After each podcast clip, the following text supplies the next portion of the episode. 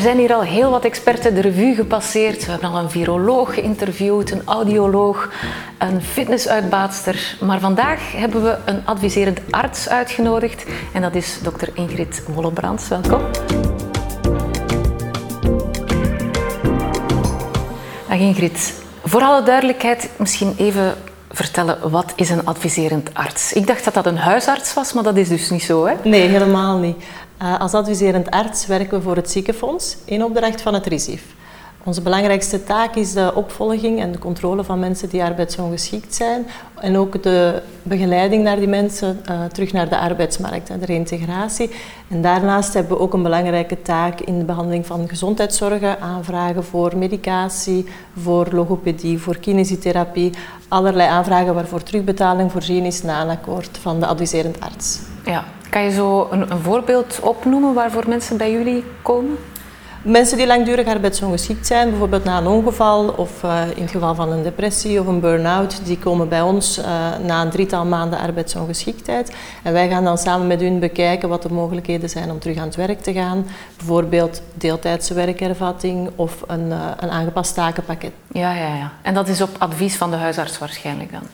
Um, wel, wij, volgen, wij gaan ook in overleg met de huisarts, um, maar het is eigenlijk de huisarts schrijft de arbeidsongeschiktheid voor en wij gaan dan de opvolging doen eh, op basis van de ziekteverzekeringswet. Mm. Ja, ja oké. Nu, uh, jullie werken ook met medische apps. Wat is dat precies of hoe werkt dat juist? Ja. Uh, wij zelf werken niet met medische apps, hè, maar medische apps kunnen wel voorgeschreven worden door behandelende artsen, door de huisartsen of door de specialisten. Um, medische apps, er bestaan heel veel verschillende apps hè, die met gezondheid te maken hebben. Specifiek medische apps, die zijn uh, apps die erkend zijn als medisch hulpmiddel. Daar zijn heel strenge criteria voor. Dat zijn apps die moeten doeltreffend zijn, die moeten veilig zijn en die moeten ook de privacy beschermen. Hè, want het gaat natuurlijk over medische gegevens, persoonlijke gegevens. Um, dus uh, daar is een hele wetgeving rond Europees bepaald. En op dit moment zijn er eigenlijk maar 30 apps in België erkend als medische app. 30 maar ja, in België? Ja, en die kan, worden eigenlijk gebundeld op het M-Health-platform. Dus dat zijn die 30 apps. Uh, daar gaan er natuurlijk nog wel bij komen. Er zijn heel wat apps in ontwikkeling die ook een aanvraag lopende hebben om erkend te worden. Ja. ja. En wat zijn zo de meest voorkomende medische apps? Of welke worden er nu op dit moment het meeste gebruikt? Wel, er zijn dus 30 apps, eigenlijk verspreid over verschillende domeinen en redelijk gespecialiseerd ook. Hè, een bepaald doelgroep uh, voor ogen. Um, bijvoorbeeld, er is een app voor mensen met diabetes om hun uh, bloedsuikerwaarde op ja. te volgen. Er is een app um, voor mensen met epilepsie of een vermoeden van epilepsie om uh, kleine aanvallen op te sporen. Um, er bestaat ook een app die het hartritmestoornissen gaat opsporen.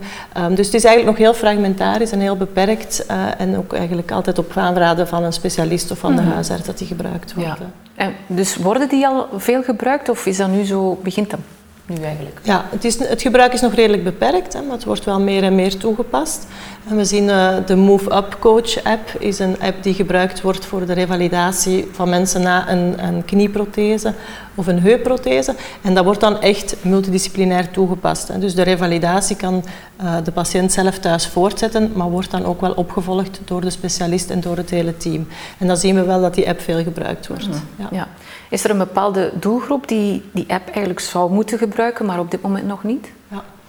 Um, als we algemeen kijken naar de gezondheidsapps, hè, los van de medische apps, de brede groep van de gezondheidsapps, die kan eigenlijk bijna bij heel de bevolking toegepast worden.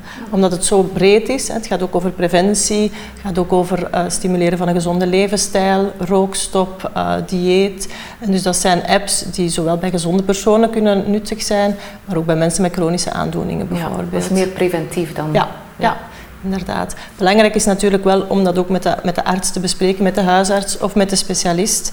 Moesten er uit die app uh, zaken naar voren komen die een risico vormen, is het altijd belangrijk dat de huisarts dat ook bekijkt of de specialist om te kijken, moeten we de behandeling aanpassen bijvoorbeeld. Ja. Is er bijvoorbeeld een medische app voor iemand die een burn-out heeft? Kan je dan een medische app raadplegen? Er zullen zeker gezondheidsapps bestaan die daarop inspelen. Hè? Want burn-out komt heel veel voor. Dus, eh, dus, mensen zijn daar ook veel mee bezig. Mentaal welzijn, mindfulness en ook specifiek naar burn-out toe. Binnen de medische apps is er geen app specifiek voor burn-out. Maar is er wel al een app die eigenlijk het uh, mentaal welzijn gaat in kaart brengen en, en ook trachten te verbeteren. Dus dat bestaat wel. Uh, maar is nog beperkt. Dat zal zeker ook nog wel ja. uitbreiden in de toekomst. Maar stel, je wordt uh, door je huisarts geadviseerd dat je zo'n medische app moet gebruiken, misschien omdat je rugklachten hebt. Um, kan je dat dan thuis installeren op jezelf of heb je daarvoor een arts nodig om dat allemaal op te starten? Nee, je kan dat eigenlijk gemakkelijk zelf. Hè. Als je een smartphone hebt, dan kan je dat eigenlijk gemakkelijk uh, zelf mee starten. Uh, een aantal apps maken gebruik van uh, bijvoorbeeld een, een, soort van sporthorloge of andere meettoestellen. Er zijn ook bijvoorbeeld um, weegschalen die je kan dan connecteren met je, met uw app. Maar dus in principe kan je het zelf installeren en kan je ermee aan de slag gaan. Ja, ja dus je moet daar geen uh, technisch wonder voor zijn om dat allemaal Absoluut te niet. Nee, ja. nee. Oké. Okay. Uh, is er een bepaalde opvolging voorzien door jullie? Want ik kan me voorstellen dat je dat voor een lang termijn moet gebruiken, zo'n app, om, om echt wel uh, efficiënt te zijn. Bij de medische apps is het altijd wel voorzien dat de gegevens die verzameld worden, dat die ook worden doorgespeeld aan de behandelende arts.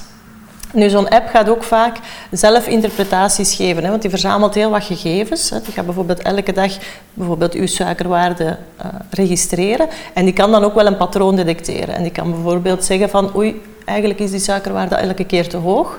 En dan kan er een soort van alarmfunctie ingesteld worden van ga daarmee naar de behandelende arts. Het is wel belangrijk om te weten, ja, de app die werkt met algemene gegevens, gebaseerd op de algemene bevolking. Die kent niet jouw specifieke situatie. En dus altijd wel belangrijk om dat met de behandelende arts te bekijken. Ook. Ja. Ja. Dus dat is eigenlijk je begeleider, een soort van coach toch? Ja, ja, ja, ja absoluut. Ja. de preventieve rol van medische apps, dat hebben we eigenlijk al een beetje besproken. Je hebt de gezondheidsapps. Um, maar ik kan me wel voorstellen dat het echt wel bedoeld is om preventief te zijn, die medische apps. Want als je het installeert en je hebt al de symptomen, is het misschien een beetje te laat dan.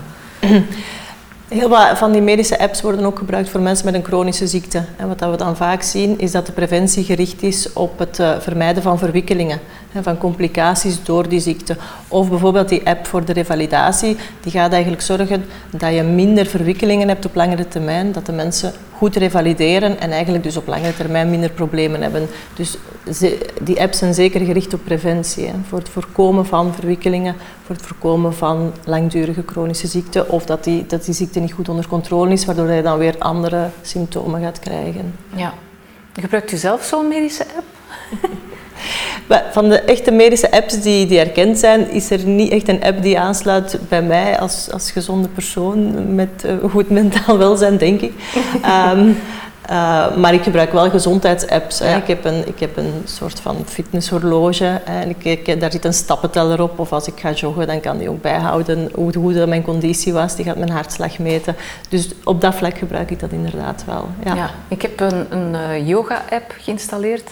En ik probeer dat toch elke dag te doen. En ik heb sindsdien eigenlijk geen rugklachten meer. Dus dat is toch ook tamelijk preventief dan? Absoluut, ja. ja, ja. Uh, zijn er nog nieuwe medische apps in ontwikkeling waarvan je denkt van ja, dat, is, dat ziet er eigenlijk wel goed uit, waar je iets kan over vertellen? Er zijn heel veel verschillende apps in ontwikkeling. En ik denk uh, dat er zeker op het vlak wat je ook aanhaalde van de mentaal welzijn, dat we daar zeker wel veel aan hebben. Hè. Ook voor jonge mensen die helemaal wel mee zijn in het mobiele verhaal, um, denk ik dat daar zeker veel toekomst in zit. Um, er zijn heel veel onderzoekscentra, universitaire ziekenhuizen, maar ook eh, medische bedrijven bezig met de ontwikkeling van apps. Ehm, we hebben ook wel gemerkt dat die, zorg op afstand wordt ook wel belangrijker en mensen hebben dat ook wel wat geproefd en merken dan dat dat ook wel zijn voordelen heeft. Dus uh, er zijn verschillende aanvragen ook lopende uh, voor apps om erkend te worden als medische app op het mHealth-platform en daar gaan er ongetwijfeld nog heel veel volgen.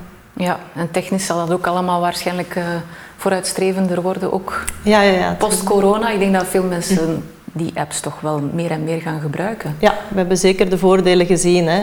Zeker met de, met de corona, waarbij dat de zorg moeilijker lag soms, hè, waar dat er uh, veel consultaties werden uitgesteld, niet dringende raadplegingen, zien we dat die zorg op afstand toch echt wel zijn plaats gevonden heeft in, de, in het aanbod. Ja.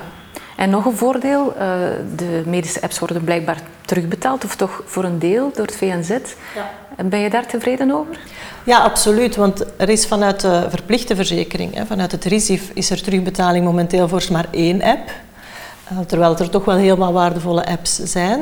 En het VNZ is daar eigenlijk redelijk uniek in. Hè, voorzien terugbetaling voor elke app die je gebruikt die erkend is op het mHealth-platform of die voorgeschreven wordt door een arts. Hè, waardoor we eigenlijk aan onze leden toch wel de kans bieden om, om echt gebruik te maken van die nieuwe technologieën die toch zeer veelbelovend zijn. Ja.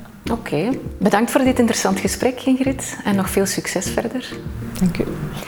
We gaan hier afronden, maar zoals ik daar juist al zei, er zijn nog podcasts en die kan je allemaal bekijken op de website van het VNZ. Een heel fijne dag nog en heel graag tot een volgende keer.